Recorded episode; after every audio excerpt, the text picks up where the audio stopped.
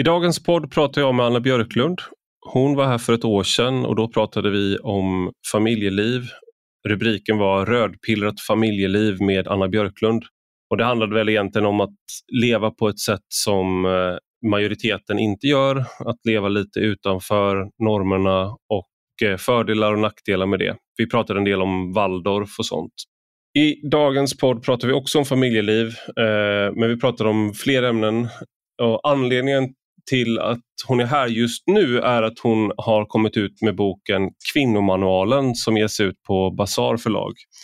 Och Det är en väldigt intressant bok får man säga. Jag, den, den griper över många olika områden som ätande, familjeliv, lycka, arbete, sex och, och annat.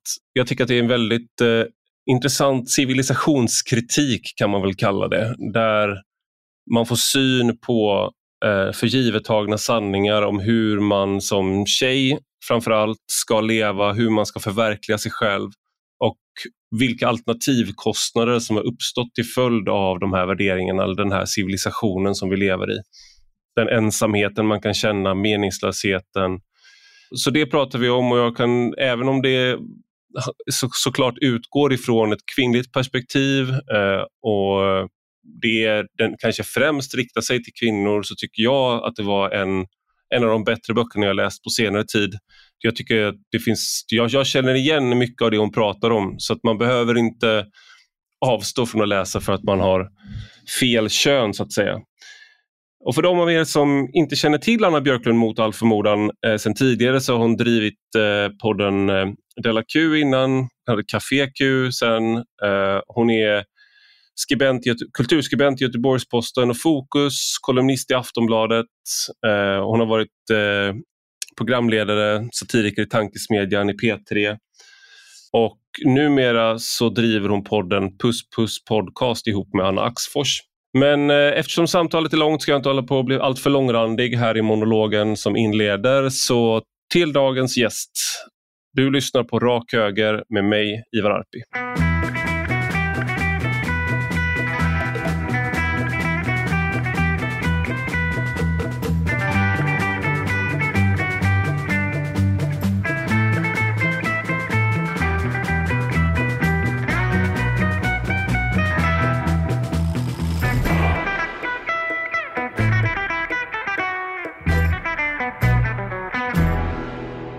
Välkommen Anna Björklund till Rak Höger. Tack så jättemycket Ivar.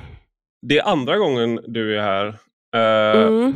för, förra gången så hade jag precis börjat med det här med Rak Höger på Substack. Uh, och då, det vi ska prata om idag är ganska likt det vi pratade om förra gången fast nu har du för då pratade vi, hade, fick det rubriken Rödpillrat familjeliv med Anna Björklund tror jag. Var Just det. Ja. Och det var ganska... Jag måste bara kolla eftersom ja. jag är pedant. Nu är min, min ljudkurva är helt platt. Varför är den det? Din ser fin ut och min, ser det ut så för dig också? Nej, din, din, eh, den, eh, den håller på att guppar upp och ner. Ah, Okej, okay. bra. Okej, bra. Det, det, var inget. Jag ska inte titta på det där med. Jag, ska inte, nu, jag har inte ansvar. Nej, precis. Bra. Nej, men det var, jag har varit med om det där några gånger, så att, ah, vi, vi, vi kör. Förlåt. Precis, men förra gången som du var här så pratade vi om familjeliv. Det hade titeln Rödpillrat familjeliv eh, med Anna Björklund mm. tror jag. Mm. Och Det var väldigt intressant. Vi pratade om hemskolning, eh, vi pratade om, jag tror vi pratade om Åland. Just det. Precis. Det var en period när, jag, när, när, jag fortfarande var, när vi fortfarande lite velade. Eh, mm. ska, måste vi fly landet eller inte för att, för att slippa sugas upp i det här fruktansvärda systemet som vi har. Men nu har vi bestämt att vi ska sugas upp i det fruktansvärda systemet eh, så att vi, vi, eh, våra äldsta kommer börja skolan i höst. faktiskt. Okej, okay, och det, det, är ungefär, det var så det var för oss också. Uh, det var precis innan min äldsta vi började förskoleklass. Ja. Ja. ja, vi fegade också ur. Och ja. Då bodde vi på landet uh, för att vi, vi, liksom, uh, vi flydde pandemin och den sista tiden som mm. en, en, enhet som familj. Mm. Så vi hade liksom ett halvår på landet hos mina svärföräldrar. Men nu bor vi faktiskt mm har vi också flyttat till ett eh, lantligt ställe så vi, vi liksom är kvar i den, det lantliga men däremot så måste vi, bil, ja. ja vi måste bilpendla ganska mycket Eh, så det, det, är lite jobbigt. Men, men vi har också sugits upp av samhället och låtit vår, eh, vår äldsta börja skola mm. eh, här. Mm. Men eh, okej, okay, mm. så ni, ni, valde till slut att eh, bli mainstream och bli precis som alla andra då. Eh, och nu är ni... nu är... Vi valde att försöka förändra systemet inifrån istället. Ah, ah, exakt. Nej, vi, Nej. Vi, vi, får se hur det blir. Ja, det, känns, det känns eh, helt okej. Det, var nog, det som hände var nog faktiskt till slut att, att um, jag kände att, uh, i alla fall just min dotter, kanske inte alla barn, men, men just hon tror jag faktiskt kommer gilla det där rätt mycket. Så att, eh, hon är själv liksom ganska sugen. Och det, ja. Men så var det ju inte för ganska kort tid sedan, för hon är fortfarande bara fem. Liksom. Ja. Eh, hon var ju väldigt liten och nyligen, så att säga. Så att, och då kände jag, så här, men gud, det här känns ju helt sinnessjukt. Liksom. Var, ja. Varför ska det vara så här? Men nu känner jag att ah, det, det, det blir nog rätt bra. Ja, men det har... Ja, men exakt. Men vi har eh, vi försökte ju sätta... Eh, jag, jag, jag gick ju från att vara, tycka att förskola var liksom, det är så sjukt naturligt för att jag själv gick på dagis på 80-talet. Och då var mm. det inte det som alla gjorde. Utan folk hade dagmamma, folk var hemma med barnen i större utsträckning. Exakt, exakt. Det var, uh, men, men, men jag tyckte liksom att... Ja, men det, ja, exakt. Men nu går alla på dagis, vilket jag inte hade förstått mm. riktigt eh, tills jag själv skaffade barn, att det är typ så 97 procent av alla treåringar eller tvååringar. Börja före dem med två, tror jag. Ja. ja, men precis. Alltså det, exakt. Så att, uh, att promenera runt med liksom en, jag har en ett och ett halvt-åring nu, liksom, och då, det är så här, oj, ett, ett sånt barn som är ute utan en sån här gul väst på sig och liksom 40 ja. andra. Uh, vad är det här för konstig liten varelse? Uh, mm. det, det In i main sect, alltså i alla fall mycket i Stockholms innerstad. Ja, men precis. precis. Ja. Ja, men så är det um, även i mm. Uppsala och där är det liksom när man går runt då som, det här var en sån där sak som, eh, som vi ska komma in på det du, anledningen till att, eh, just den här, att jag har det här just nu. Det finns en anledning, kära lyssnare, ni kommer få reda på varför, för du har skrivit en bok, vi ska komma in på den. Ja. Men det var liksom det här att när man är den här föräldern som går runt med sina barn eh, och inget av dem går mm. på förskola, man kommer där med fyra barn och, i, och liksom mm. ingen har väst, då är man ju man är väldigt, väldigt apart. Och då är det den mm. här grejen att eftersom man är de enda som väljer det där, så är det väldigt, eller väldigt få andra gör det. Eh, de enda mm. vi kände som valde ungefär likadant, de flyttade från, så vi bara okej, okay, men då är det vi kvar. Då då har man liksom inte så massa andra familjer man kan eh, knyta an till på olika st ställen, utan alla är på jobbet förutom, mm. det är i och för sig dagispersonalen också, eller förskolepersonal, de är på jobbet också. Eh, men mm. så kommer man till varenda lekpark, eller vart man än kommer, så är det såna här 30 ungar med gul väst som säger till ens barn att det där är vår spade och kommer att ta mm. den. och Det blir inga naturliga mm. möten, så du måste liksom... Eh, ja, det, det där, det, den typen av val blir väldigt eh, gör att man mm. står ut väldigt mycket från gruppen. Så där är det ju med, eh, vad ska man säga, livet generellt väl, att, att eh, så, när det blir sådär um, en sån väldigt konform liksom, idé som kanske så här, svenskt föräldraskap har just nu. Liksom. Att, att när man ställer sig lite utanför det där, då tvingas man liksom tänka, alltså det, man måste göra det till nästan ett så stort ideologiskt projekt. Alltså mm. Man börjar läsa massor, man börjar liksom så här, eh, granska sig själv och andra, så här, eh, försöker förstå så här, psykologin bakom, försöker förstå politiken bakom. Eller hur? Alltså det blir... Ja Eh, för man måste liksom varje dag så här, treva sig fram, och liksom, för det finns, om, ja, det, det, finns inget annat recept. Liksom. Det finns inget annat eh, sammanhang där, där man får lite hjälp eller liksom, eh, blir stöttad på något sätt. Utan, utan man, eh, nej, det blir ju, man, man måste ju bilda sin egen lilla sekt på något sätt. Vilket ju ja. ja det, det... Och det var därför det kändes mm. så, för, för ett år sedan då när, när vi pratade, så kände, vi kände inte varandra, vi känner inte varandra så väl nu heller, men, men det är väldigt, nu, nu har jag läst din bok som är Nyhetskroken, den kom nyss ut och den heter Kvinnomanualen. Mm. och är utgiven på Bazar förlag, kom ut för en månad sedan. Och Eh, mm. ligger på flera topplistor högt upp. Mm. Så det är många som läser den. Men när, när jag läser mm. din bok så är det, det är en bok som har ett kvinnligt perspektiv på saker eh, också. Men det, det, sen känner jag nästan som att, man, att jag klampar in då. eh, för jag känner igen mig så mycket i mycket av det som beskrivs. Just för att du har, du har du tänker på ett annat eh, det, det, avviker från, eh, vad ska man säga, titeln Kvinnomanualen får, skulle ge tanken att det var en mer konventionell bok eh, på vissa sätt. Att det är liksom en, mm. så, här, så här är alla kvinnor idag. Eh, eller liksom så här ska du göra för att bli en mm. framgångsrik kvinna vid, eh, och själv ekonomiskt oberoende. Och, alltså det är en sån där bok skulle man kunna tänka att det ja. också kunde vara. Men väldigt mycket ja. handlar ju om just att, vara, att tänka efter själv och att ställa, liksom, ta ett steg tillbaka, kanske ställa sig lite vid sidan av. Eh, och det, mycket av det där började för dig är det här rätt beskrivet? Men att mycket av det här sattes igång när du träffade din nuvarande man och när du fick eh, barnen, när ni, började, när ni bildade familj tillsammans? Mm.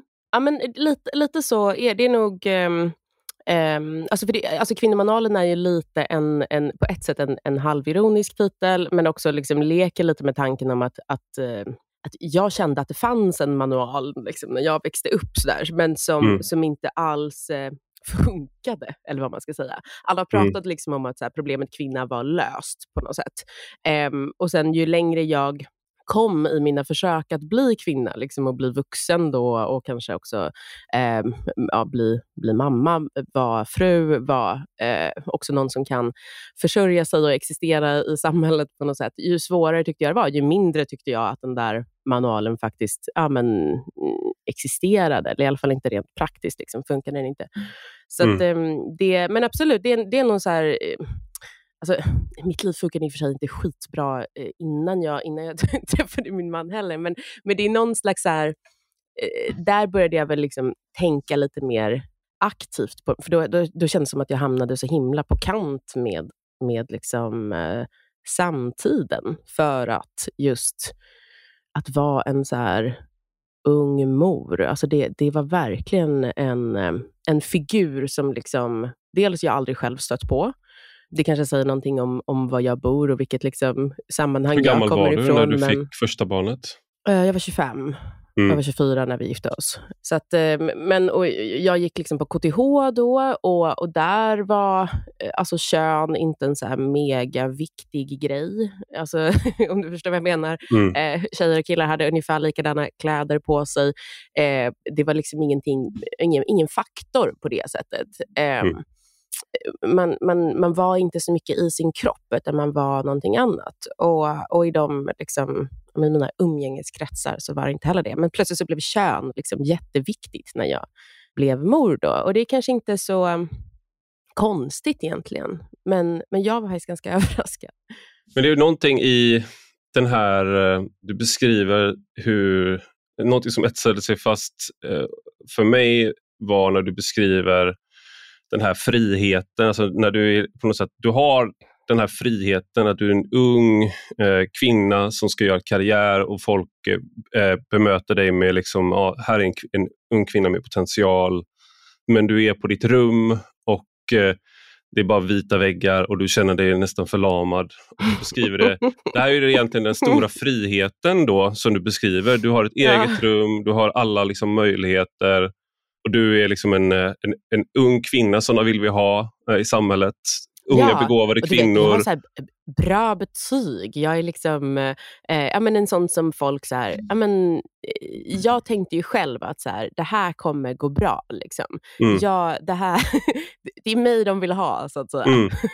det, det, det, det, här kommer funka. Och, och så She's going places. Jag gjorde det. Eller det Ja, men precis. Och, och jag hade liksom det här som alla säger är så sällsynt. Jag hade liksom äldre kvinnor som liksom tog sig an mig och försökte vara så här, ge mig goda råd. Och Jag hade liksom, um, jag hade en väg in på något sätt. Och, mm. och Sen så framstod den, den världen liksom med, eh, som, som allt mer liksom meningslös ju närmare jag kom den. på något mm. um, Jag hade en idé om att jag skulle tjäna massa pengar, jag skulle resa en massa, jag skulle kunna en massa språk. Jag skulle absolut inte vara liksom förankrad i någonting socialt eller i någonting i en familj eller något sånt. Barn hade jag överhuvudtaget inte en tanke på, för vem har det i Sverige när man är så 20? Eh, alltså det har, alltså, mm. jag hade det ska man inte ha. Det är kanske något man behöver gå i terapi om man har. Ja men precis, det är typ ett, ja exakt. Det hade varit något mycket märkligt om jag hade mm. sagt så här, nej men jag vet inte, det där med, det känns som att mina familjeplaner kanske, kanske kommer sätta käppar i hjulet för min transatlantiska liksom, eh, resa. Alltså, så ska det inte fungera, det är vi alla överens om. Liksom. Mm. Uh, så att, uh, nej, det, det, nej, det, ju närmare jag, jag um, liksom kom det där, ju, ju mer kändes det som att det var alltså någon slags hägring. Liksom, som, eh, eh alltså vad ska man säga, den, den, eh, så som objektiv framgång presenterades för mig, så, så var det, eh, ja jag vet inte.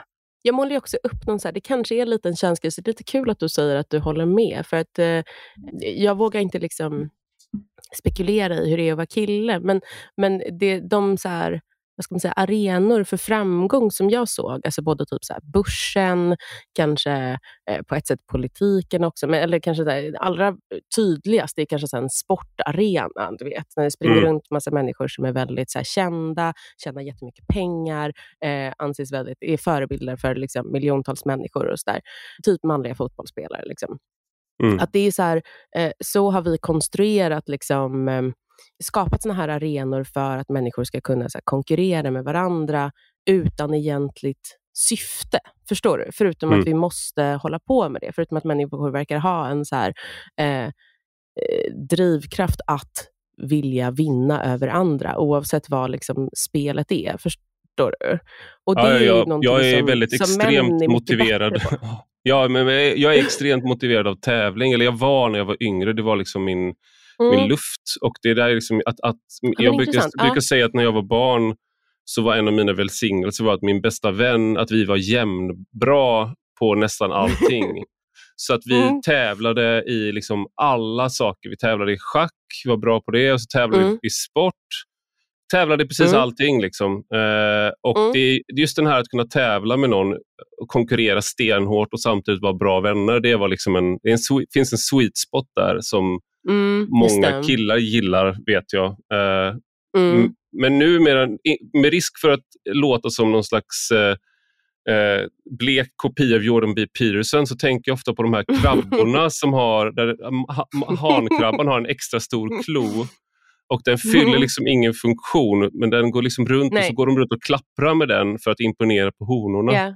Och Det där tänker jag väldigt yeah. ofta på vad gäller oss män, att det är så man håller ja. på med sin lilla med sin det har jag lilla också stora tänkt klo. på vad gäller er män faktiskt. ja. ja, men, ja men så är det ju. Och, och det som man då liksom i den här den vågen av feminism som liksom är att kvinnor ska eh, erövra samma territorier som männen redan haft för att liksom, eh, det, det, är ju att de ska ut på samma arena, alltså ska, skaffa samma klo och gå runt och klappra med. Fast för vem? Mm. Alltså det är ännu mm. tommare. Vem ska lyssna när jag klappar med min klo? Liksom? Jag mm. själv? Eller liksom, vem, vem är det för? Eh, för att jag, jag, jag tror faktiskt, alltså, om man siktar på någon slags, liksom, om man vill, om man vill, vara, om man vill vara bäst, liksom, mm. då behöver man ju det där som är att man verkligen vill eh, alltså det, det, måste, det, en, det krävs ju en väldigt djup drivkraft, alltså som kanske är svår att här, sätta ord på.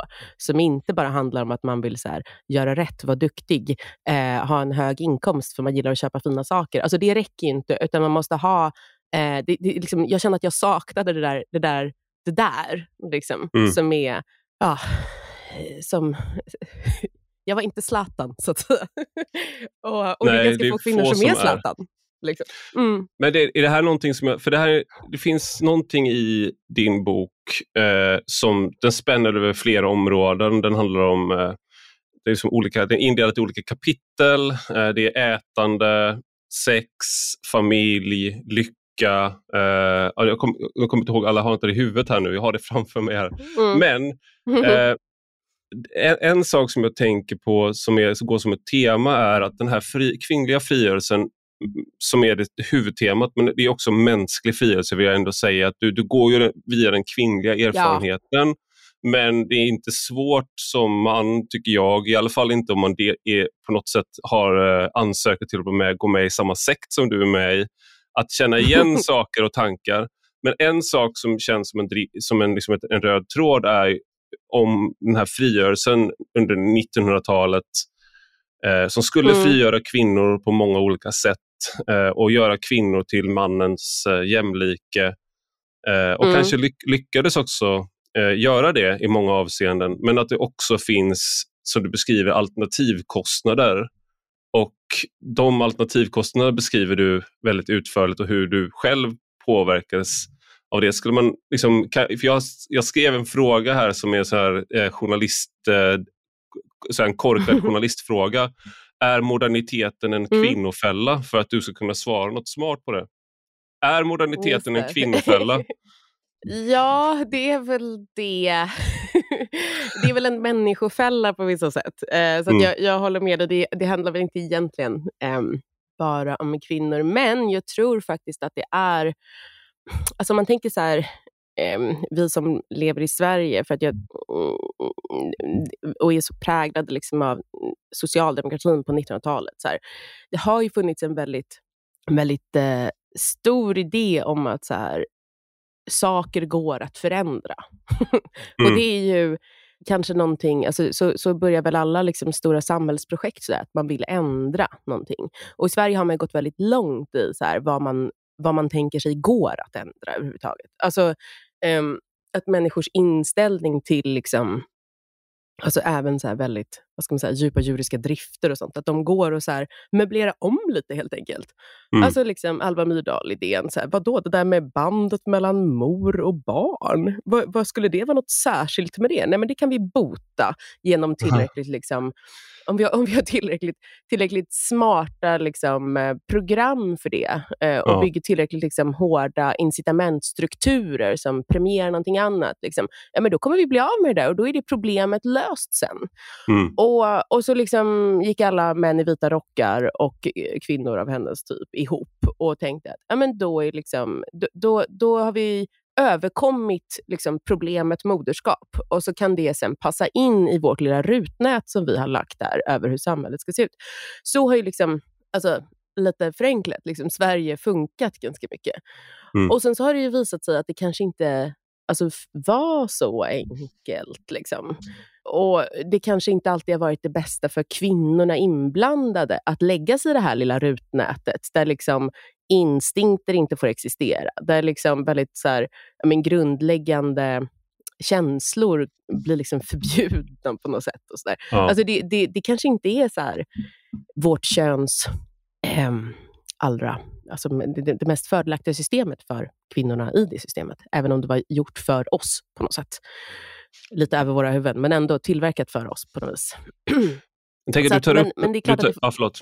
Nej, men jag menar bara att det, det, sen så är det klart att liksom det, eh, 90-talet har ju också gjort positiva saker för kvinnor. Alltså, men det är just det här med liksom att kostnaden kan liksom komma släpande kanske en generation senare, eller komma liksom krypande på ett, så här, alltså på ett mer psykologiskt, liksom, eh, just en så känsla av tomhet eller meningslöshet. Eller så här, varför är alla plötsligt utbrända? Ingen vet, vad mystiskt spännande. Men, mm. men liksom, ja, eh, att det, det kanske ändå det kanske inte är ett så direkt samband som liksom, eh, kostar direkt. Så där, utan det, men, men över tid så, så, uh, så tror jag vissa av de här grejerna kan bli väldigt så destruktiva.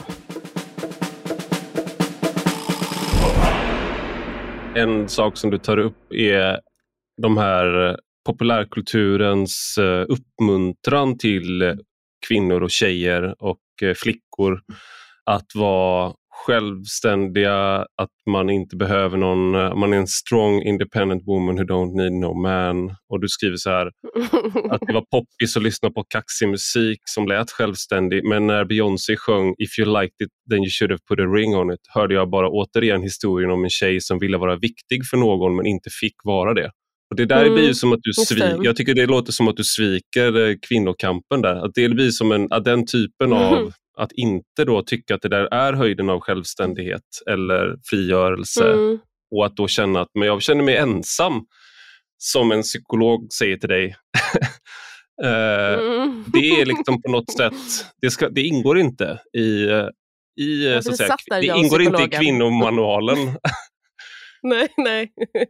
nej, precis. Nej, det var en konstig... Det var verkligen så. Vi satt och tittade på varandra och han bara så här, ja, nej, men det verkar verkligen som att ditt problem är att du är ensam. Och jag bara, jag håller verkligen med. Och så var det liksom, bara så här, vad ska vi göra? Ja, vi kan ju inte göra någonting här inåt det. Liksom.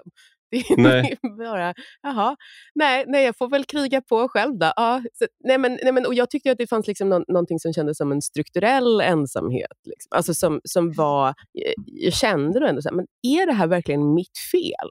Liksom. Mm. Är det här, är det liksom, för jag kände så här, men det, det, är, det, är, det är en massa människor som verkar vilja ligga med mig. Liksom. Det, det är en massa människor som verkar vilja, liksom, det, det är inte så att jag är någon slags um, liksom, du, du kan få en dickpic om du vill. Ja, men precis. Jag kan, precis. Men få, kan jag få någon som liksom eh, vill eh, lova mig någonting, som vill, vara, som vill investera någonting i mig, som vill ta en risk för mig, som vill eh, eh, ja, men ha en gemensam liksom, strategi för livet. Alltså de här liksom, större sakerna. Eh, det kändes, alltså när jag var eh, då i mina tidiga 20, liksom före jag träffade min man. Eh, som jag, alltså jag tror att jag hade väldigt tur när jag träffade honom. Eh, för att det är ganska många runt mig som, som, som fortfarande undrar så här, att varför, varför är det ingen som vill liksom lägga lägga några kronor i den här.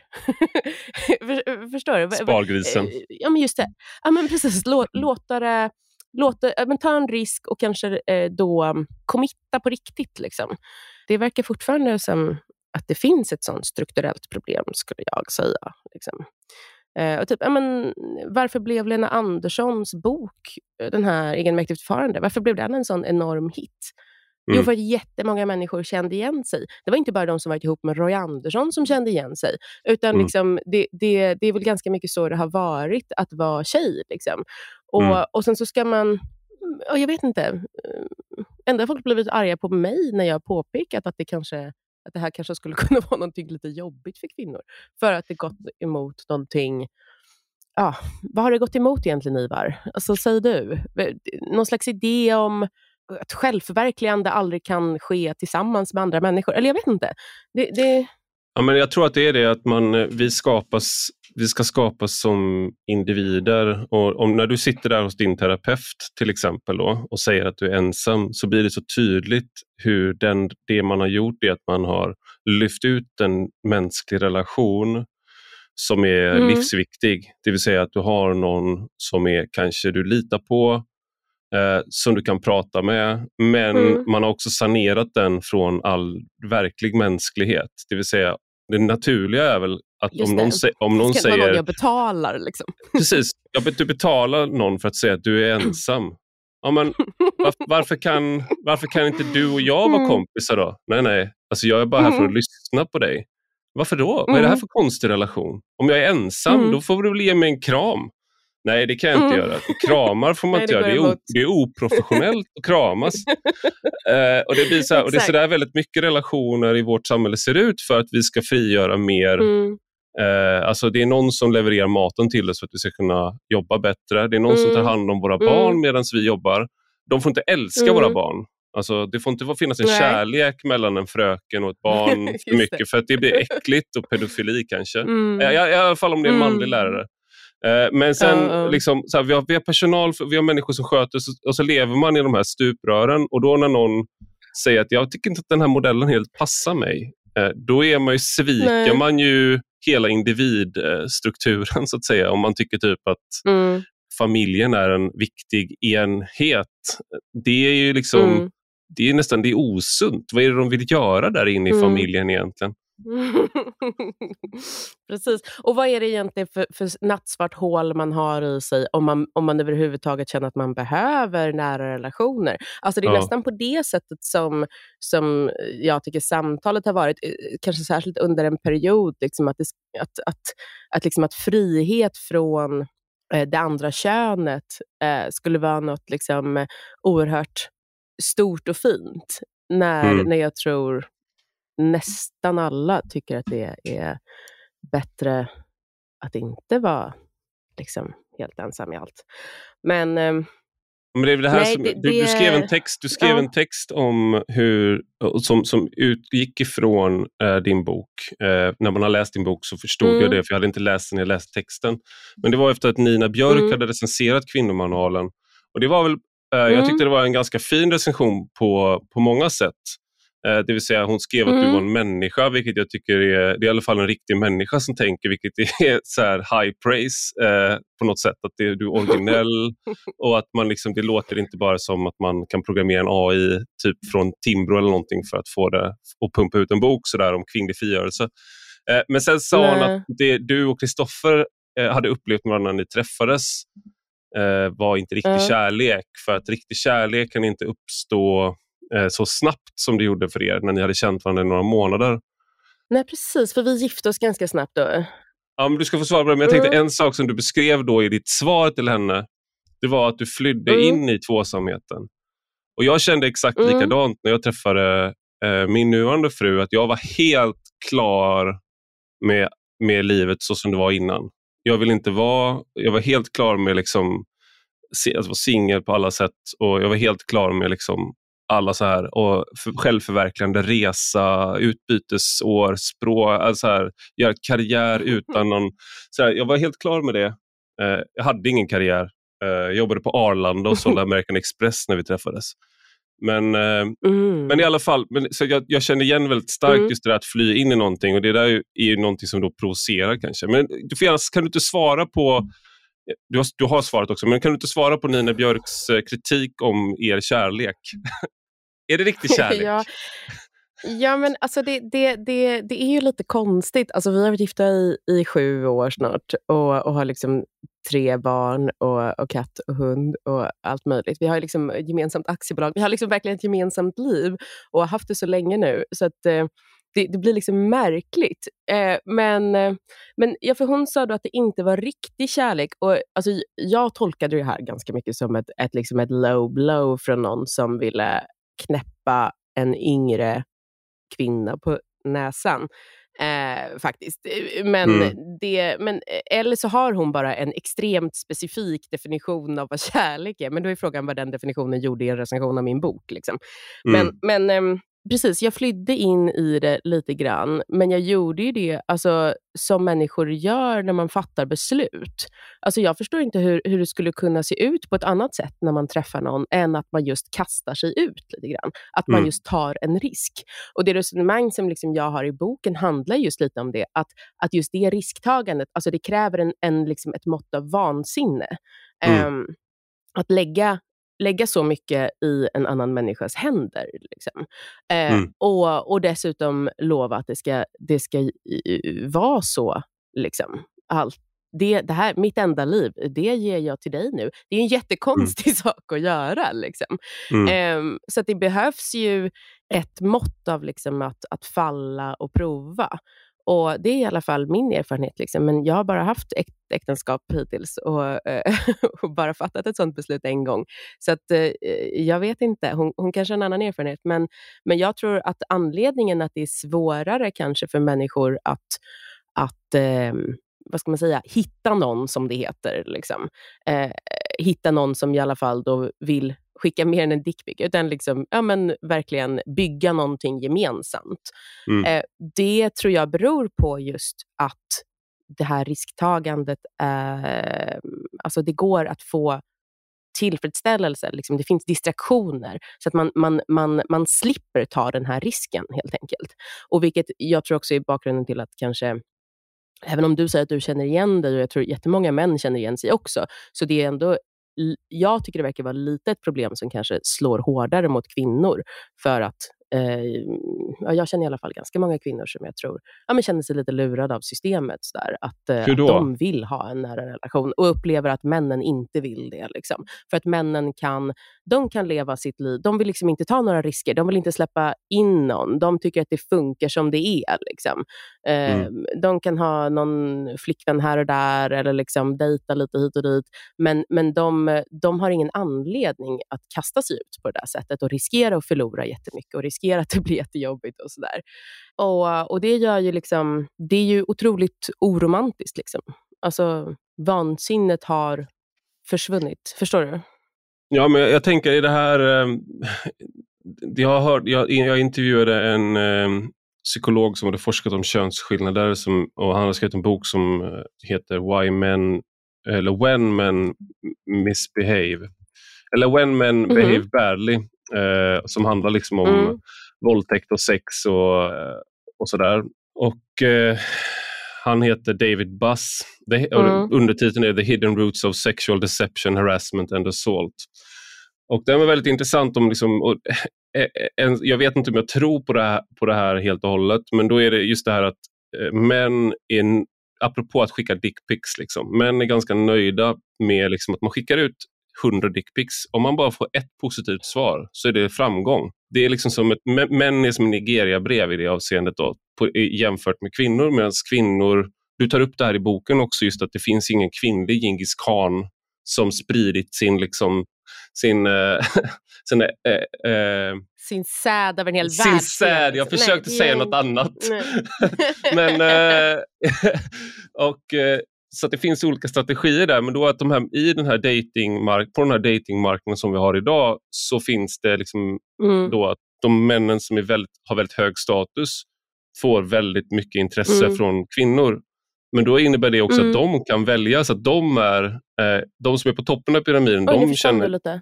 Försöker igen. De männen som är på toppen av pyramiden, ja. De känner att de behöver inte välja, de kan play the field och de kan liksom dejta massa olika och behöver inte komma Sen kan de ghosta. Och, uh. Eh, och ah, liksom precis, sluta höra av sig. Från, ja, mm. För nu har jag fått det jag vill ha. Mm. Medans, och sen har du då männen i, längre ner i pyramiden som då man pratar om ibland nedvärderande och kanske kallar incels och sånt där. Och de, har väldigt, mm. de, kanske egent, de kanske egentligen inte har lägre Alltså de kanske inte är fulare och, och sämre än många kvinnor som är på, på marknaden. Det är bara det att kvinnorna som är på ungefär samma nivå, de är inte intresserade av, av dem. De är intresserade av männen som är ovanför.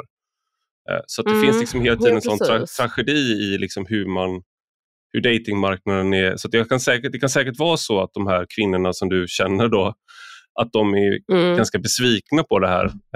Eh, men det kan också finnas en dynamik i hela liksom datingsystemet som gör att ingen, förutom kanske några väldigt eh, eh högstatusmän, är ganska nöjda. Det är de enda som är väldigt mm. nöjda med hur det här ser ut. Mm. Men jag, har många, alltså jag känner många kvinnor som har blivit eh, väldigt illa behandlade av um, typ incels också. alltså jag tror att ja, det, Tyvärr verkar det inte vara så enkelt värre. att man kan sänka sina krav och träffa någon. Nej, precis. Man kan ta liksom någon fruktansvärd människa och ändå bli, bli dumpad. det, inte bara ful utan elak också. Exakt. det, nej, eh, det där... Eh, men absolut, det kan säkert finnas alltså, en sån mekanism också. Eh, men, eh, men, men generellt så kanske... Ja, jag vet inte. Eh, jag vet ju inte om det stämmer. Alltså, det, det är svårt nej. att göra någon slags här, eh, undersökning på... Alltså, är det bara kvinnor som vill ha barn, till exempel? Eh, det, det, finns, finns ju eh, undersökningar har... på det där. Gör det? Och, uh. Ja, det finns undersökningar och män och kvinnor har generellt sett ungefär samma preferenser vad gäller mm. antalet barn de vill ha och antalet barn de önskar att de hade fått. Uh.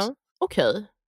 Och Varför är det så att det verkar vara så många eh, kring mig som säger liksom att deras, deras eh, respektive vill, säger så här, ah, men det kan vi göra sen kanske, kanske, kanske om något år, kanske, ja ah, du vet. Eller eh, att de känner att de behöver antingen typ lura sig till en graviditet, eh, har hänt i min närhet, eh, eller eh, eh, liksom övertala sin man om att barn är en bra idé. Jag vet inte. Det, min, fru ändå... övertalade mig, min fru övertalade mig. Hon eh, Ja, men det var ingen lång övertalning. Men hon är två år äldre än mig.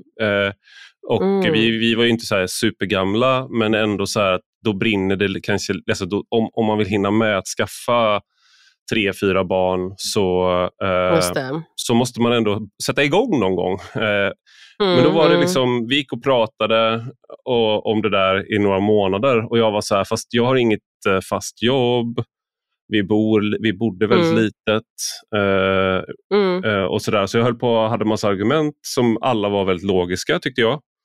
Eh, så ingen mm, ekonomisk mm. trygghet. Och sen så tänkte jag bara att Visst.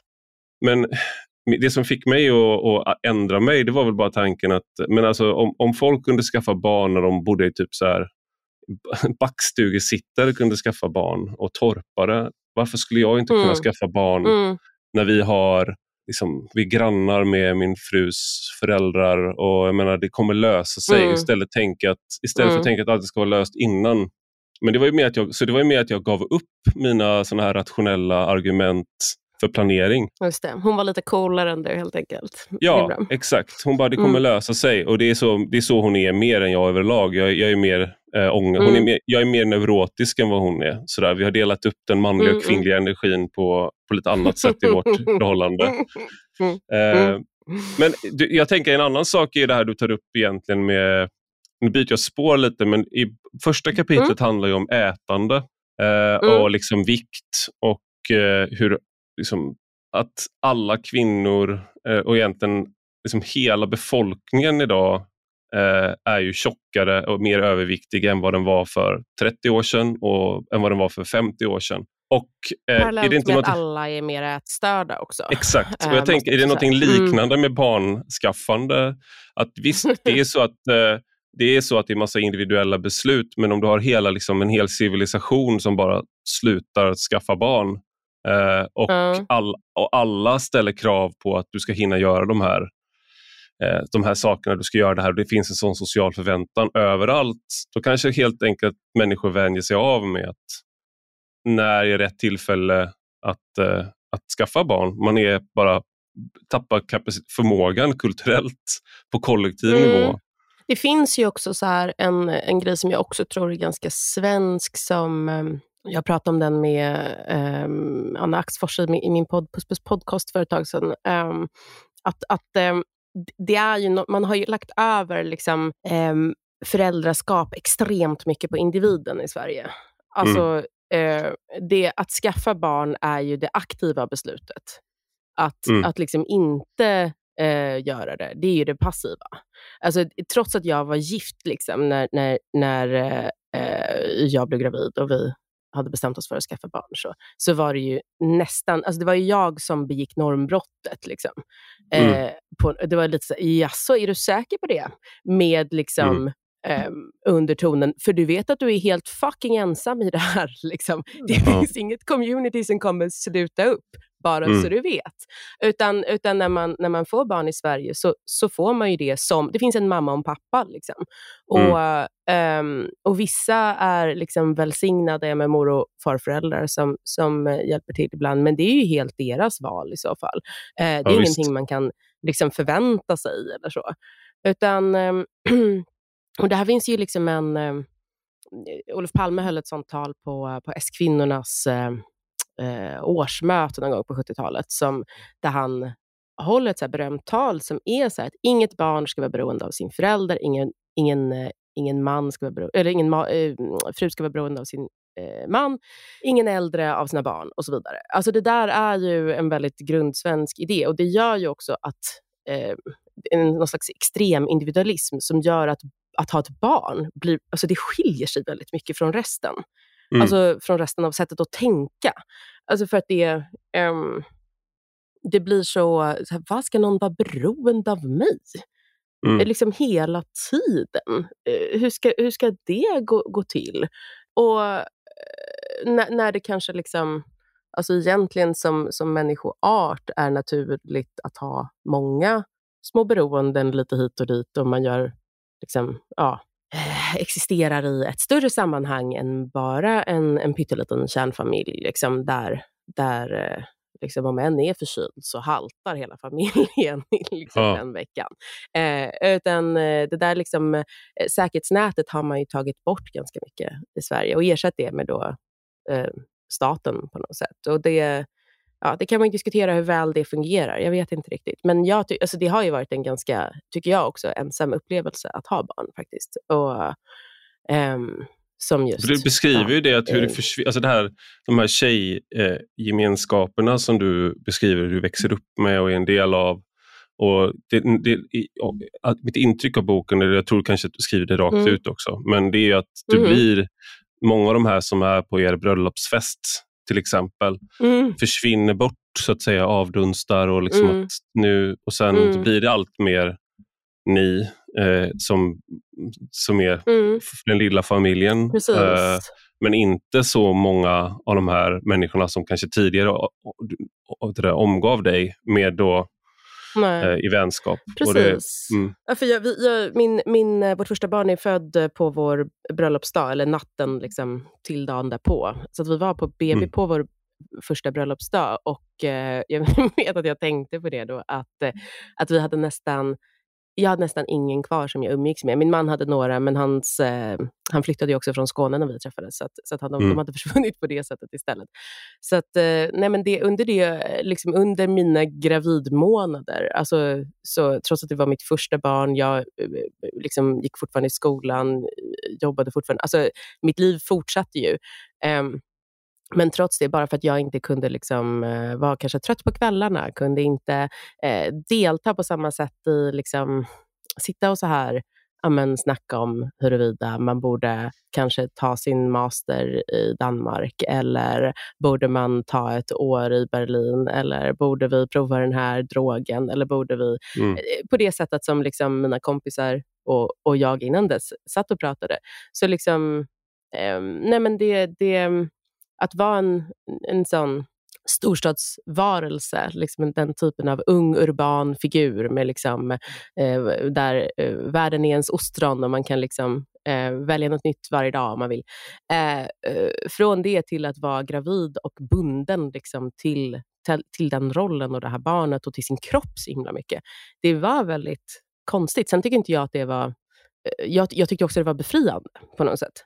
Att mm. få vara så mycket i sin kropp och liksom veta vad jag skulle göra varje morgon. Jag hade en ty ett tydligt uppdrag liksom, som var att ta hand om det här barnet. Jag tyckte det var, men jag förstår alltid de som, eh, som tycker att det där är jävligt jobbigt. Liksom, eh, för att mm. man behöver lämna samhället så mycket.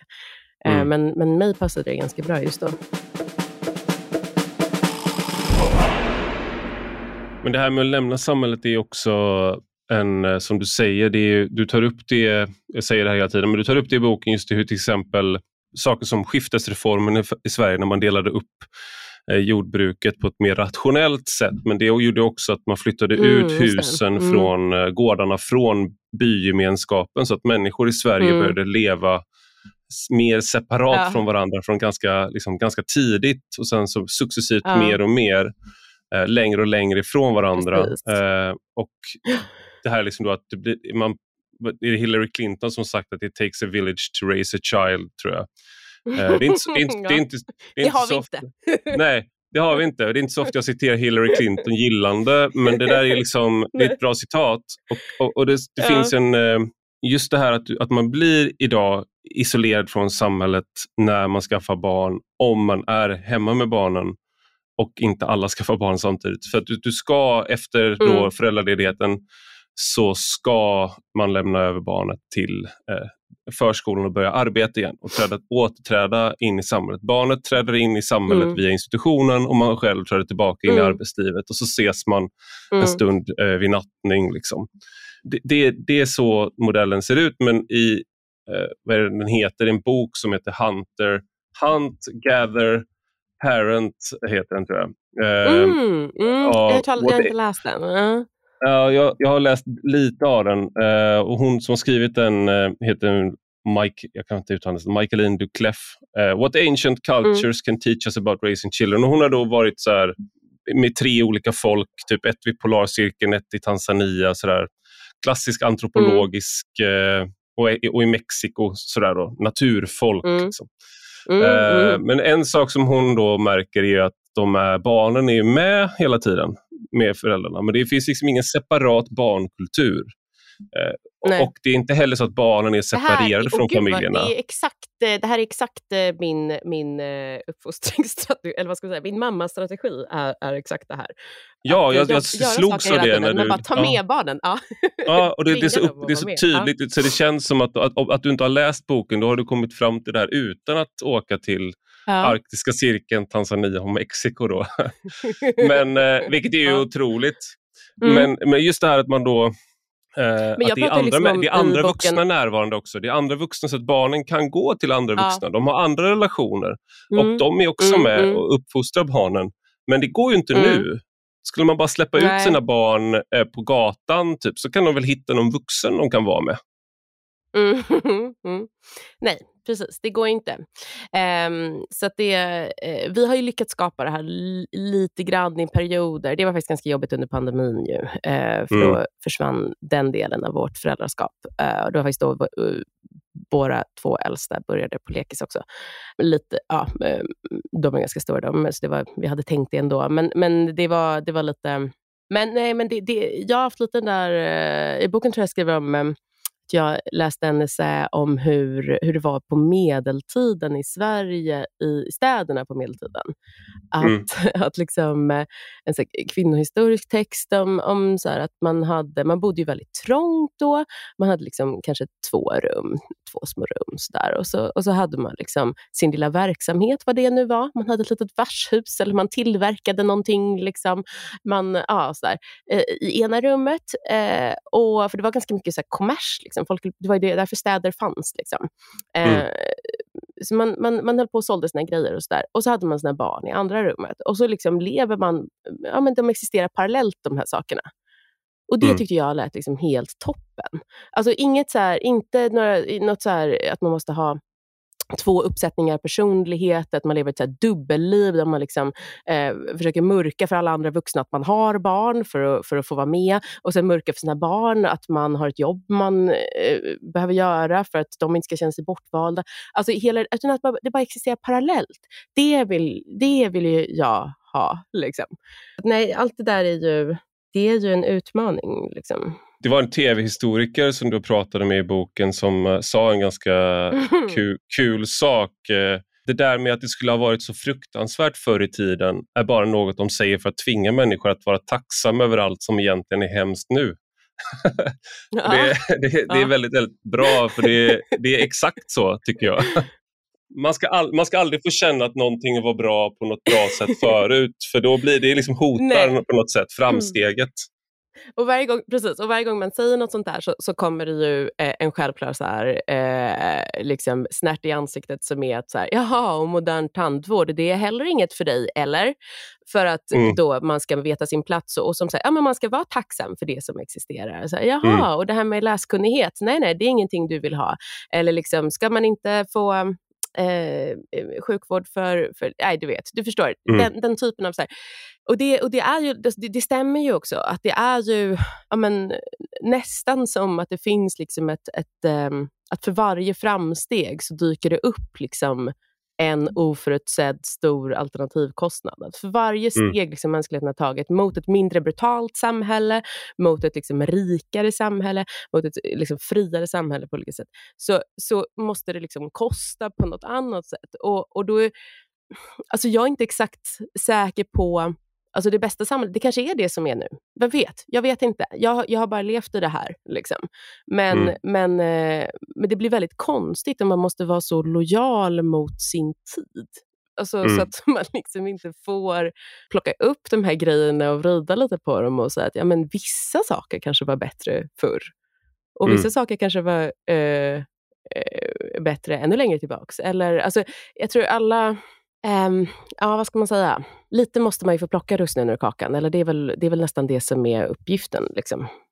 Ja, men det blir också att man, man måste älska vissa saker för att annars så hotar det hela bygget tror jag också. För jag tänker på de här Hallandsbarnen till exempel. Du, känner du till det fallet? Det är de här, eh, den här familjen som har levt ja, avskärmade i Halland. Ja, och då är det mamman mm. och pappan, är, han verkar vara konvertit till islam även om man lyssnar på, när man lyssnar på klippen som han själv har lagt upp då på Youtube så mm. citerar han även ur Bibeln och sådär. Så han är, känns lite så här flummig mm. På, mm. på vissa sätt. Mm. Sådär.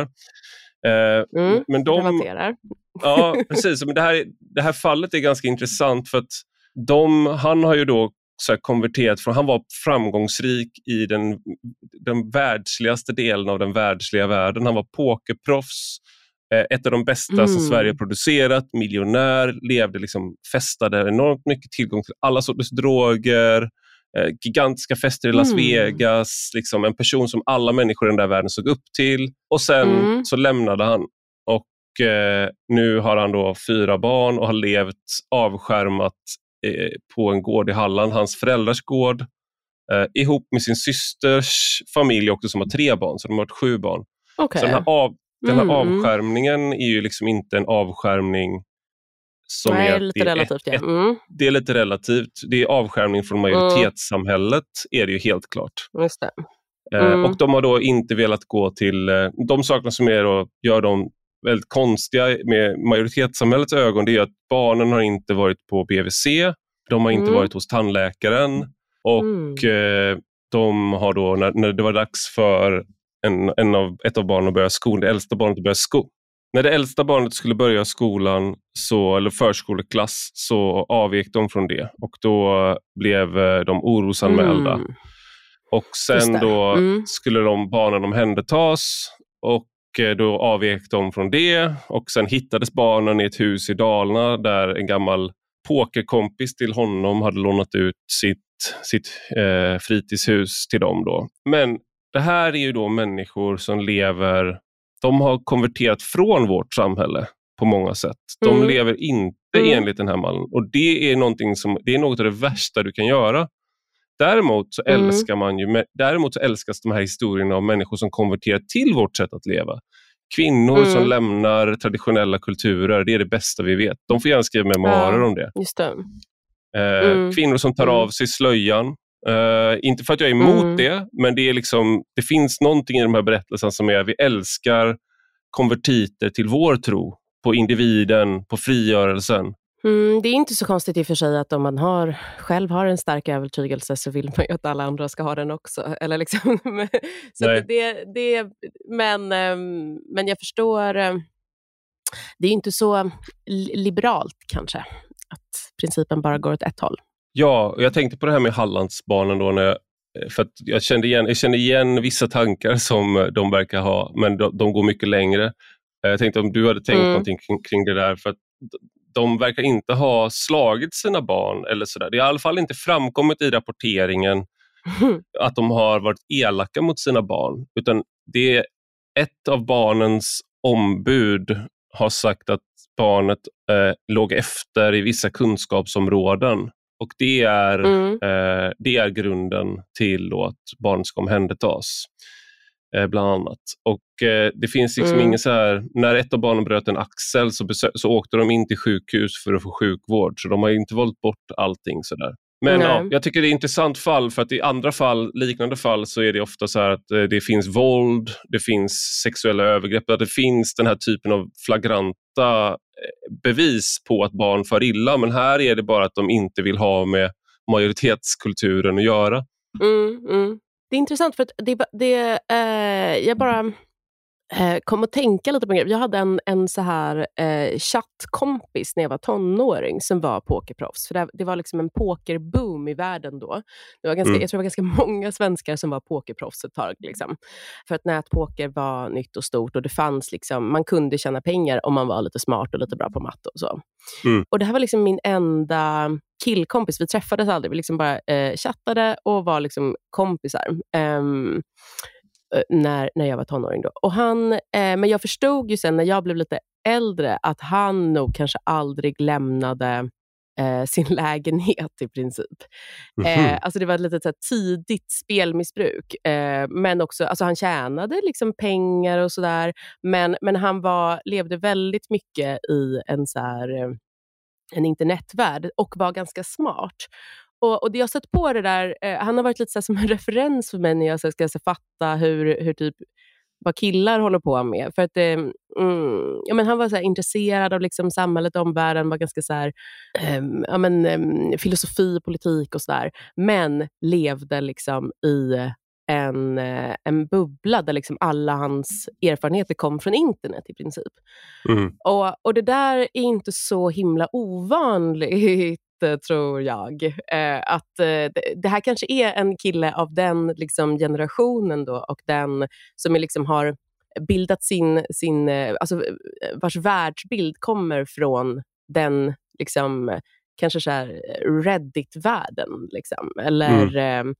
eh, alltså, och jag säger inte att alltså jag tycker det kommer väldigt så här, mycket intressant från den världen också. Alltså, jag är på, på ett sätt själv liksom uppvuxen, äh, inte riktigt bara i den, för att jag också varit en, en du vet, lite mer social person och sådär. Mm. Men, men jag har ändå liksom, äm, levt parallellt med den hela, hela mitt liv också. Så att, um, men det, det, är roligt nu när de då börjar bilda familjer, att jag kan tänka mig att det här är liksom inte är det enda fallet där någon eh, valt en ganska så radikal um, det kanske du och jag på ett sätt också, um, att, att, um, att, att majoritetssamhället, liksom, särskilt det svenska, um, känns väldigt... alltså det går att välja bort på ett helt annat sätt för att man har uh, stöd av liksom, någon slags uh, ny rörelse som är anonym och internetbaserad. Liksom. Förstår du vad jag menar? Ja. Det finns en så här, ideologiskt intresserade unga män hamnar ju där nu. De hamnar inte i så här ungdomsförbunden eller så, utan de är ju där. Och, eh, och deras eh, val eh, är kanske mer så här personligen livsstilsval. Liksom mer jag, tyck, än, jag tyckte att det här att var de... någonting som man missförstod med de som lyssnade på Jordan Peterson, de männen. Det fanns ju så mycket, mm, mm. Det, fin, det, finns ju väldigt mycket att raljera kring där såklart med humrarna mm. och sånt där. Men en sak som jag träffade var ju väldigt mm. många unga män, för jag, jag var först i Sverige med att intervjua Jordan Peterson. Och då blev jag förknippad mm. med honom. Och då blev det också så att unga mm. män kom fram till jag mig. Jag har också förknippats med honom.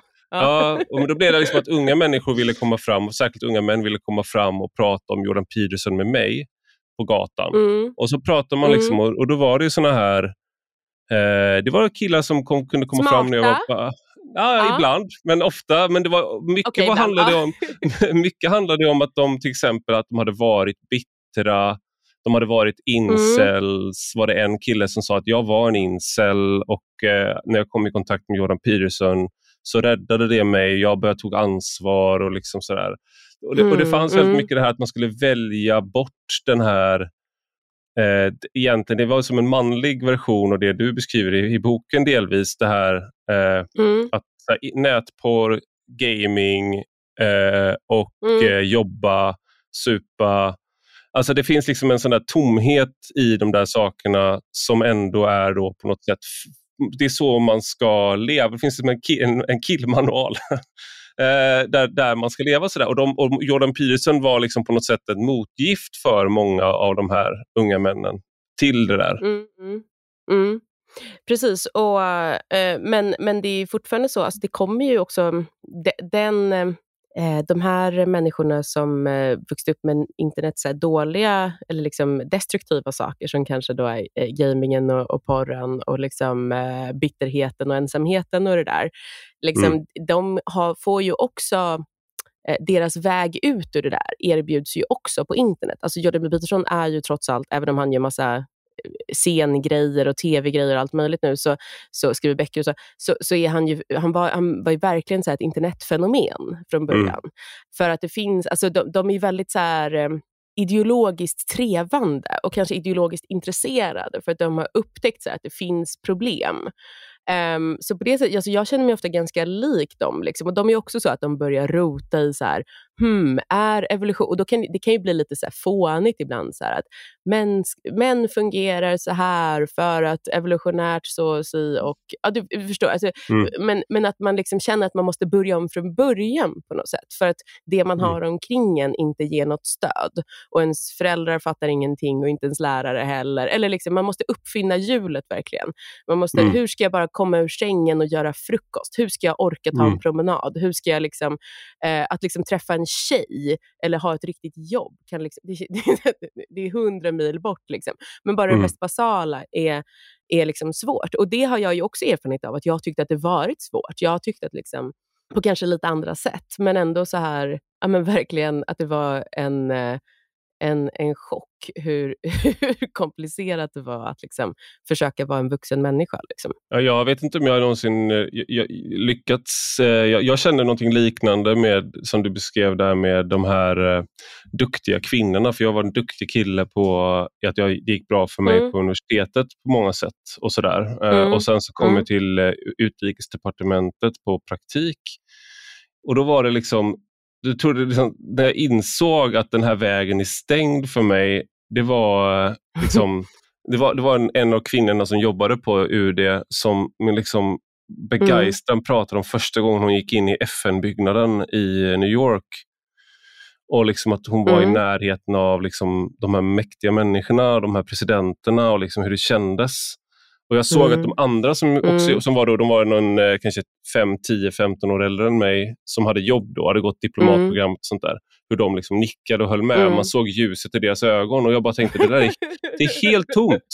Vad är det som är coolt? Det är inte coolt alls. Det är jättetöntigt. Ni, ni låter som att ni typ lajvar West Wing. Och då förstod jag att den här mm. vägen är stängd. Uh, och det var, då jag, det var då jag startade min, liksom, en blogg uh, och började skriva. Och sen så typ, mm. har jag väl mm. fortsatt på den oseriösa vägen och där, nu är jag här där jag är nu. Liksom. Men det, det är mm. inte så mm. lätt alltid. Uh, jag, om jag hade varit yngre hade jag nog känt igen mig. Eller då hade jag nog sett, sett någonting hos Jordan Peterson som jag inte behövde, behövde nu när jag var äldre och hade barn när han kom. För då var inte, det var inte budskapet mm, jag behövde mm. höra.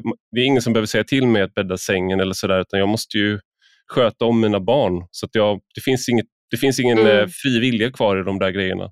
Städa, det gör jag ändå. Nej, nej. nej. nej hela dagarna. Jag vet, och lite så eh, fungerade nog. Alltså jag rekommenderar inte kanske barn som en så självhjälpsmetod, men för mig, för mig funkade det ganska mycket så ändå. Att så här, det jag var dålig på att skaffa åt mig själv vill jag skaffa för mina barns skull. Liksom. Ja. Eh, att, att, att ha ett, så här, ett, eh, att väcka veckohandla och se till att det finns mat hemma och någonting närings... Alltså, eh, alltså det skulle jag aldrig göra för min egen skull. Men däremot när det är en familj mm. att utfodra liksom, tre gånger om dagen, ja, men då har jag plötsligt utvecklat ett, så här, ett ganska snillrikt system liksom, för hur vi ska, hur vi ska eh, lösa det där problemet. Liksom. Alltså, så att, eh, Eh, och det kanske är då lite, alltså, det kanske de här, eh, vad ska man säga, evolutionära tänkarna i, i eh, 19-årsåldern på, på internet liksom har en poäng i. Att mm. så här, eh, det, är, det finns vissa grundläggande fel i liksom, eh, de, de är liksom missunnade någonting från födseln, bara genom var och när och eh, ibland kanske vilket kön de har när de föds. Att det är inte naturligt att behöva eh, planera varenda måltid själv och äta den ensam. Det, det, är, liksom, det är inte så arten människa funkar. Um, och, och det tror jag, jag tror det är en av de absolut största förändringarna liksom, i, i människans livsstil under 1900-talet, att människor började äta ensamma. Mm. Uh, jag äter, och, jag äter, och det kanske gör lite ju... mer med oss. Ja, förlåt. Äh, nej, men det kanske gör lite mer med oss än, än, man, än man tror eh, på, från början. Vad skulle du säga?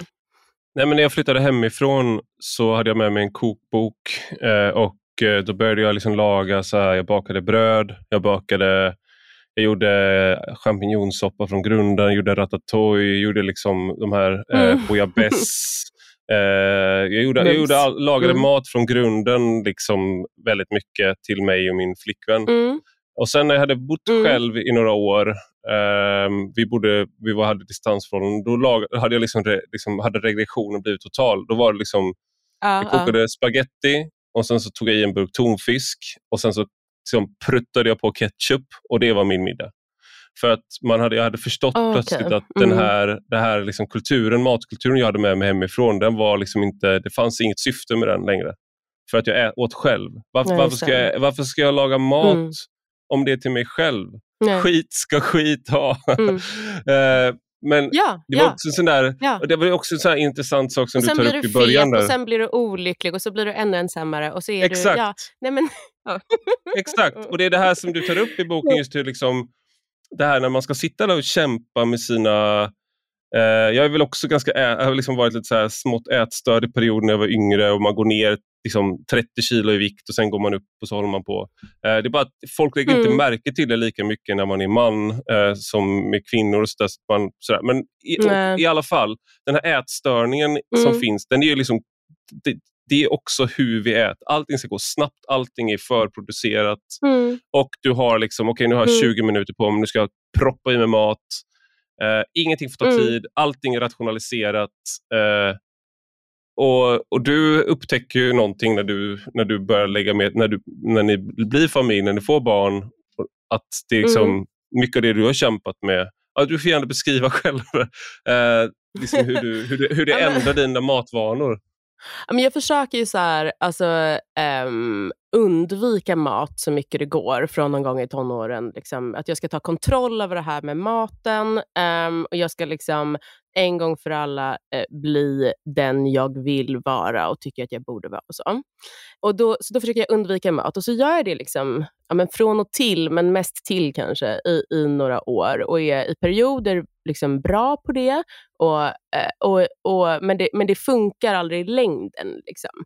Utan jag kan liksom undvika, undvika, undvika tills liksom, alltså man får liksom ångest av det. Man får massa oro mm. i kroppen. Man, man slutar, jag slutar så, alltså jag börjar sova så extremt dåligt till exempel. Um, mm. Och Man blir liksom stissig och har svårt att koncentrera sig. Och, och framför allt liksom att det blir, man, man får liksom, alltså ångest. Eller jag får mm. i alla fall, när jag inte äter ordentligt. Och, um, så då slutar det alltid med att jag liksom måste eh, amen, eh, stoppa mig själv med att äta massa kolhydrater i någon slags nästan så här, ja, men självbevarelsedrift. Nej, men det här går inte längre. Mm. Och, så, och så hamnade jag i en sån, liksom, och sen så, men nästa morgon, så här, nej men nu, nu, klar, nu ska jag inte äta, inte äta, inte äta. Och, och då så här, ja, men absolut, jag kan ta två cigg till lunch, jag kan ta en halv flaska vin till middag. Men sen så, så här, klockan 23, när jag bara, men gud, jag kommer inte kunna sova idag heller. Bara, nej men okej, jag går till 7-Eleven och så köper jag en påse chips. Alltså, mm.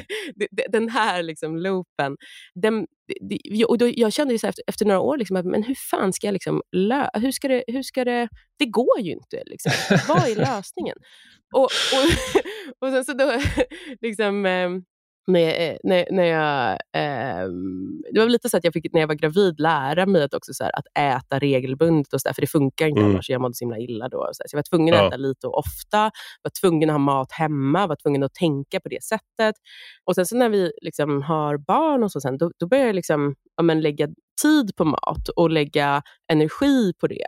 Eh, och lägga pengar på det också. För Jag har också försökt såklart hålla mina matkostnader nere, för så, så har man också lärt sig att liksom, men, mm. man ska inte det är väl onödigt. Liksom.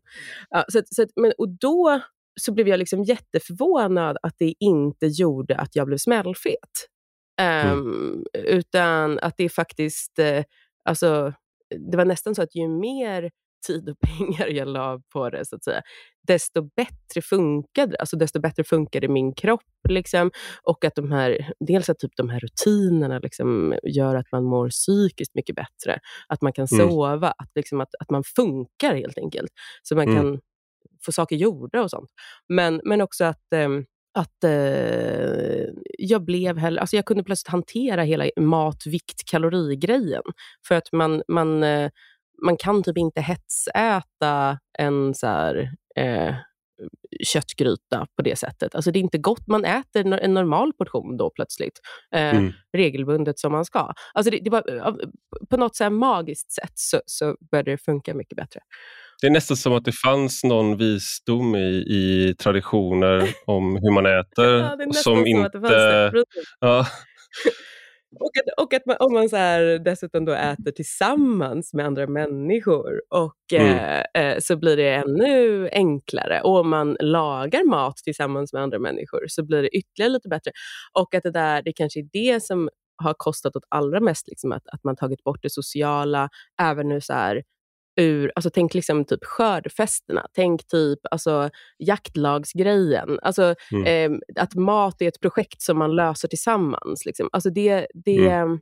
det tror jag eh, kan göra så himla mycket för ens eh, hälsa och ens liv. Men, men det finns inte tid för det. Liksom. Och Det är fortfarande så att när jag har mycket att göra nu och inte hinner laga, eh, eh, stå och göra mina grytor, liksom, eh, mm helst vill jag göra en vegetarisk, en kött eh, och eh, en någonting annat varje vecka. Och så äter jag då. Alltså jag behöver mm. inte laga mat så ofta då heller, utan gör några så stora.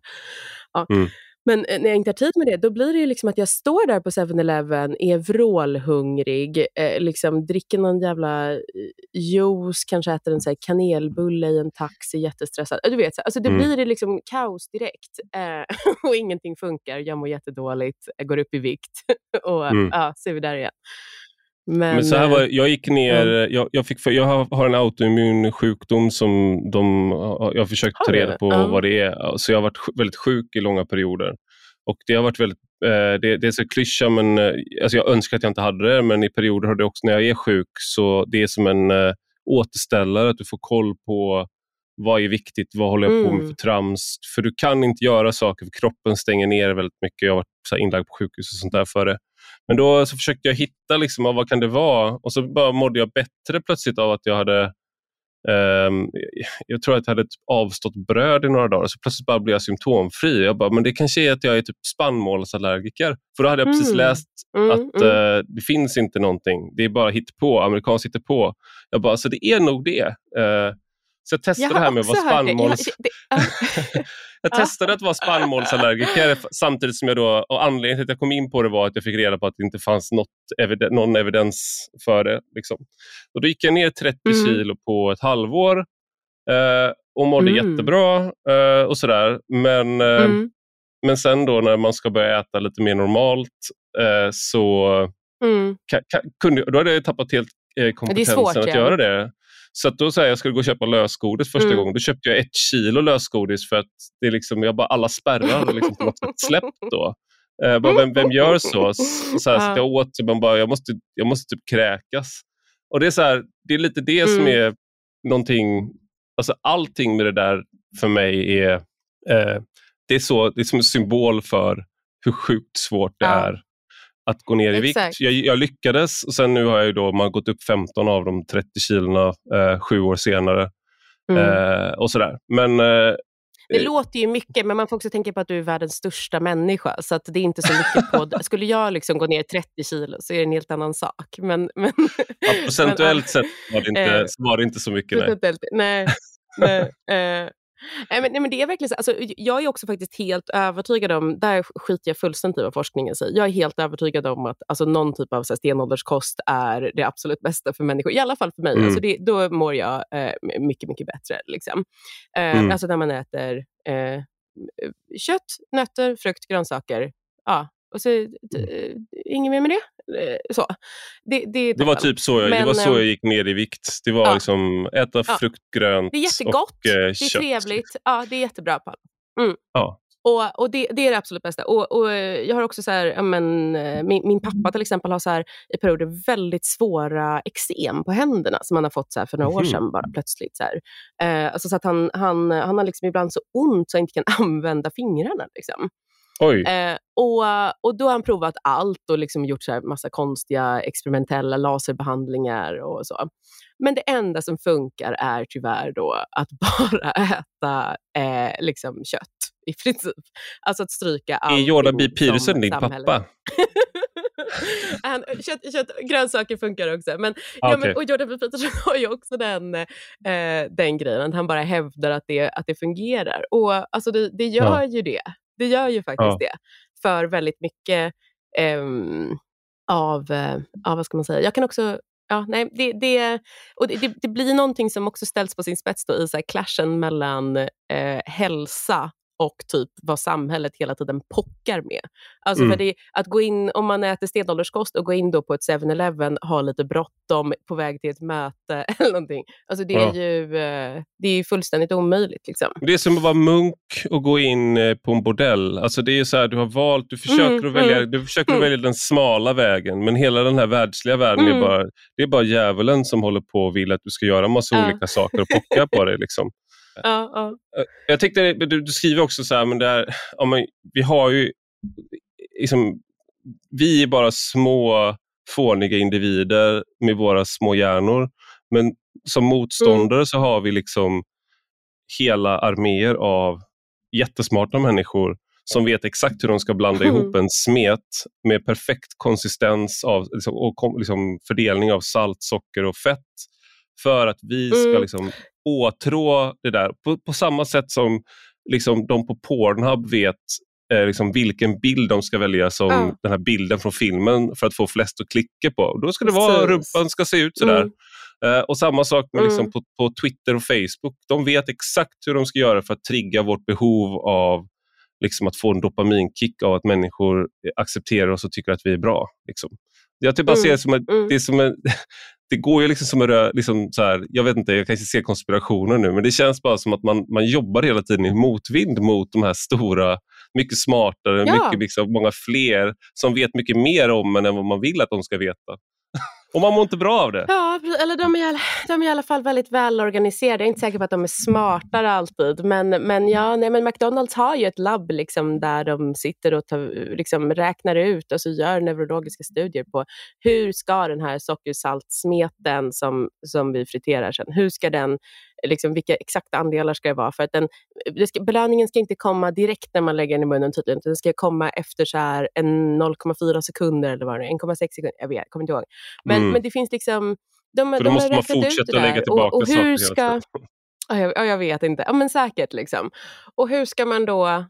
Um, hur, hur, ska vi som, som, uh, som, som liten, liten art, dessutom utslängda en och en, uh, utan, utan sammanhang. Hur, hur ska vi ja. liksom bemöta det där? Ja, men jag tror ändå att det går. Alltså, eh, jag har i alla fall lyckats i perioder då äta stenåldersmat, du med uppenbarligen. Alltså, eh, och jag tror liksom just när man tar in kanske så sina barns hälsa och typ överlevnad i det hela, alltså tanken på att de skulle fastna i, i liksom, eh, att de skulle sitta där liksom med, med eh, att Pornhub är deras bästa vän. Liksom, eh, mm. Och att, eh, att och, och leva på en sån, så här, ett sånt kycklingmos som de gjuter i såna så här formar. Eh, det är som man gör nuggets. Det är liksom inte ja. kött, utan de, de gjuter ju köttbitarna. I någon slags, alltså, att det skulle vara deras liksom, källa till näring, att det skulle vara deras relation till djur och natur. Eller till liksom, alltså det, det är ju kanske det mörkaste jag kan föreställa mig. Mm. Och, och det tror jag de flesta håller med om. Och då, ja men det kanske ändå går att stå emot. Jag vet inte. Ja, men det, det jag tänker att, det jag tänker, något som, du, som är väldigt så, tydligt också när man läser din bok och, och en, en del annat, det är det här att när det bara är upp till när man står där, väldigt mycket av ens liv så som, det, som samhället är konstruerat, det är egentligen att du står och är väldigt hungrig på 7-Eleven. På samma sätt mm. du känner dig ensam och så ska mm. man gå in på internet. Eh, eller du känner dig liksom... Det är väldigt många, det är väldigt många sådana situationer där du är hungrig på 7-Eleven. Medan jag mm. pratade till exempel med en, eh, en israelisk forskare som heter Joram Hassoni som har skrivit en bok som heter The Virtue of Nationalism här i podden. Mm. Och mm han har nio barn, eh, så han, mm. men han var väldigt glad över att, att vi hade fyra barn, jag och min fru. Han blev så glad på ett sånt där sätt som bara väldigt konservativa kan bli över att folk skaffar barn.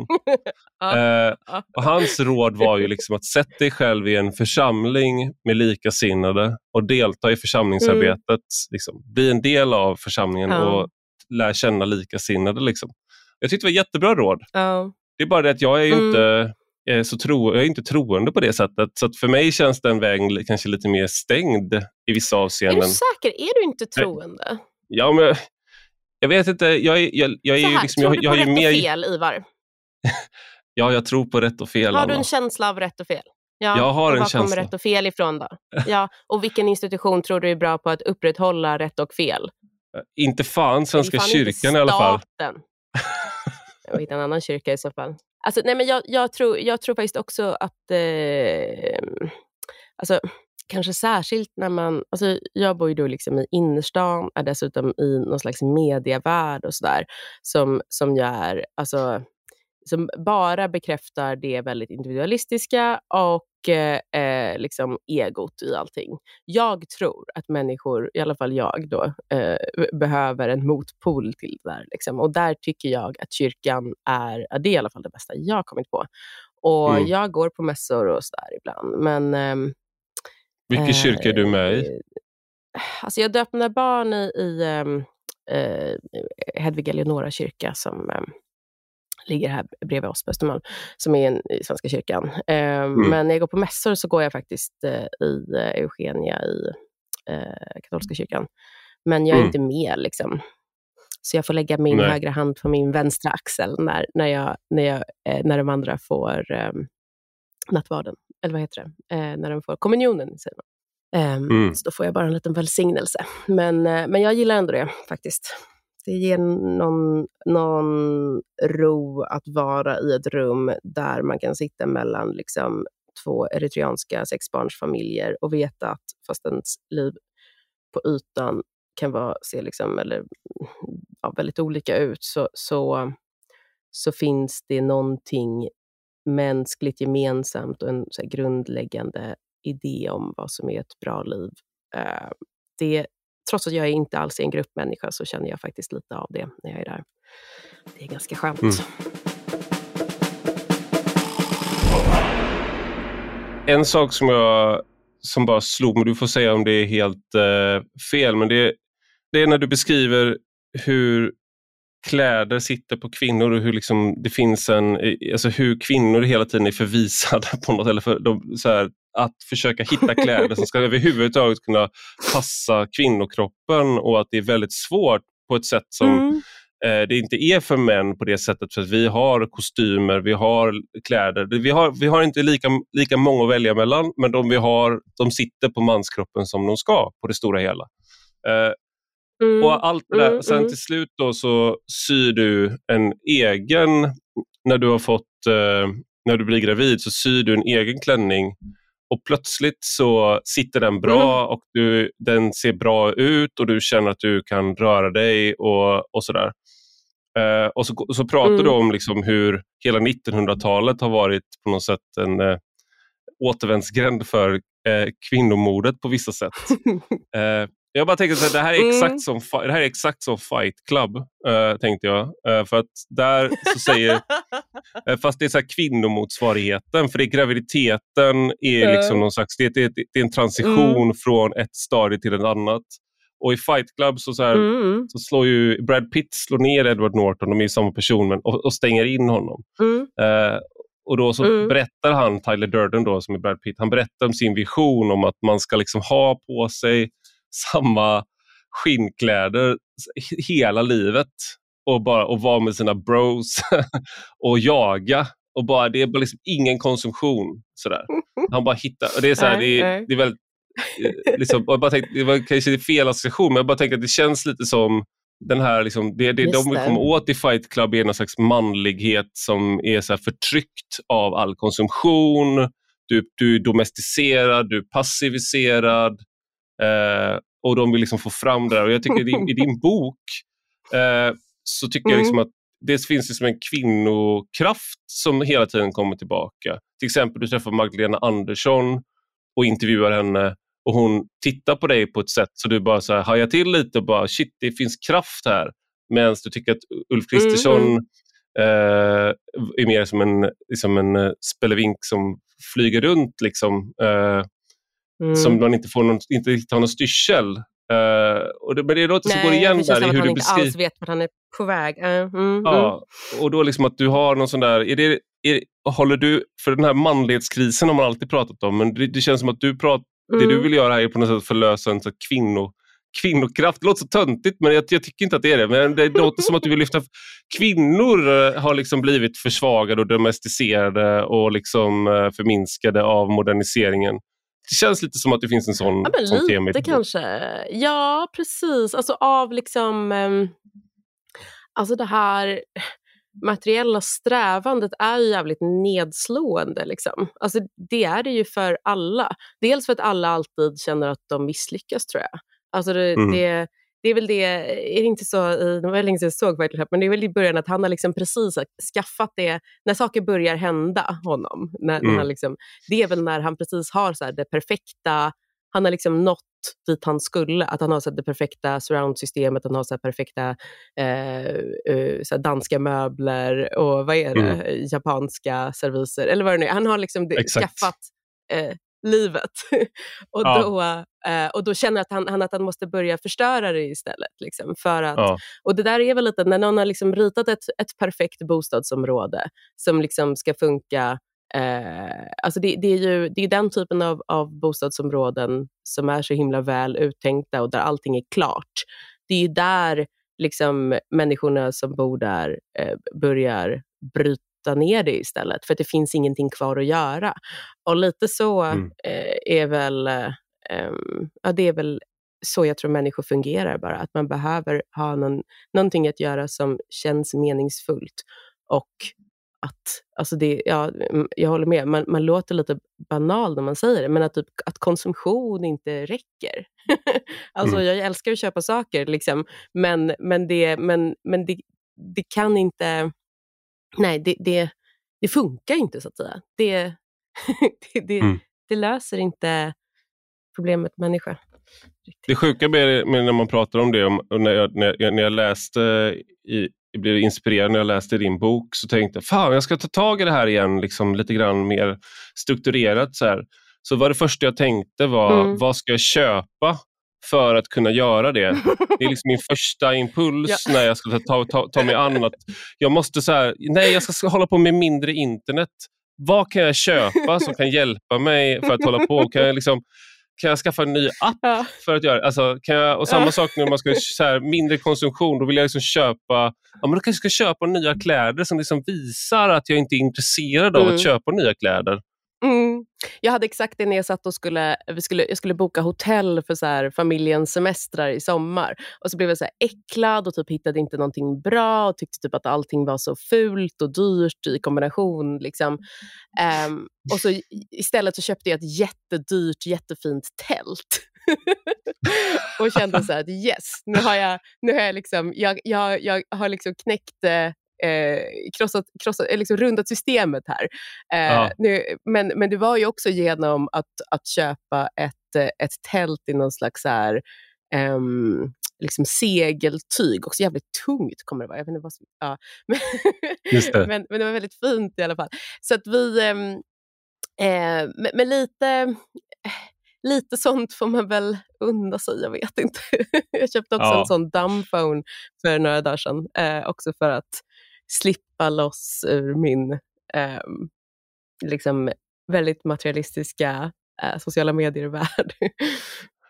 Ja, det, var det, det var din krönika som du hade skrivit i Aftonbladet, uh, där internet är för losers. Jag tror det var, ja, det var då jag tänkte att jag måste också köpa en dammphone för jag har inte gjort det. Och så stod det att du hade köpt det. Jag bara, ja, jag ska också sluta med, med internet. Jag ska köpa en dammphone. Sådär. Ja. Uh, så men, mitt ja, eh, antimaterialistiska projekt, uh, ja, men det var i alla fall 10 000 den veckan och så får vi se vad det blir nästa. Exakt. Ja, det är inte billigt att vara antikonsumtions, eller konsumtionskritiker. Ja. Verkligen inte. Stort tack Anna Björklund för att du var med i Rak Höger. Uh, puss och kram, tack Ivar. Uh, vad kul det var. Och stort tack till dig som har lyssnat. Gå gärna in och skriv en recension på Apple Podcasts eller i den app där du lyssnar på podden. Och detta är alltså en del av en större publikation på Substack med samma namn som podden. Och den som prenumererar där kan även ta del av de texter jag skriver. Gillar man det man läser och hör får man gärna bli betalande prenumerant för 5 euro i månaden eller 50 om året. Då får man ta del av lite exklusivt extra material också. Du hittar rubbet på ivararpi.se. Och har du några frågor eller synpunkter kan du alltid mejla mig på ivararpi Vi hörs igen.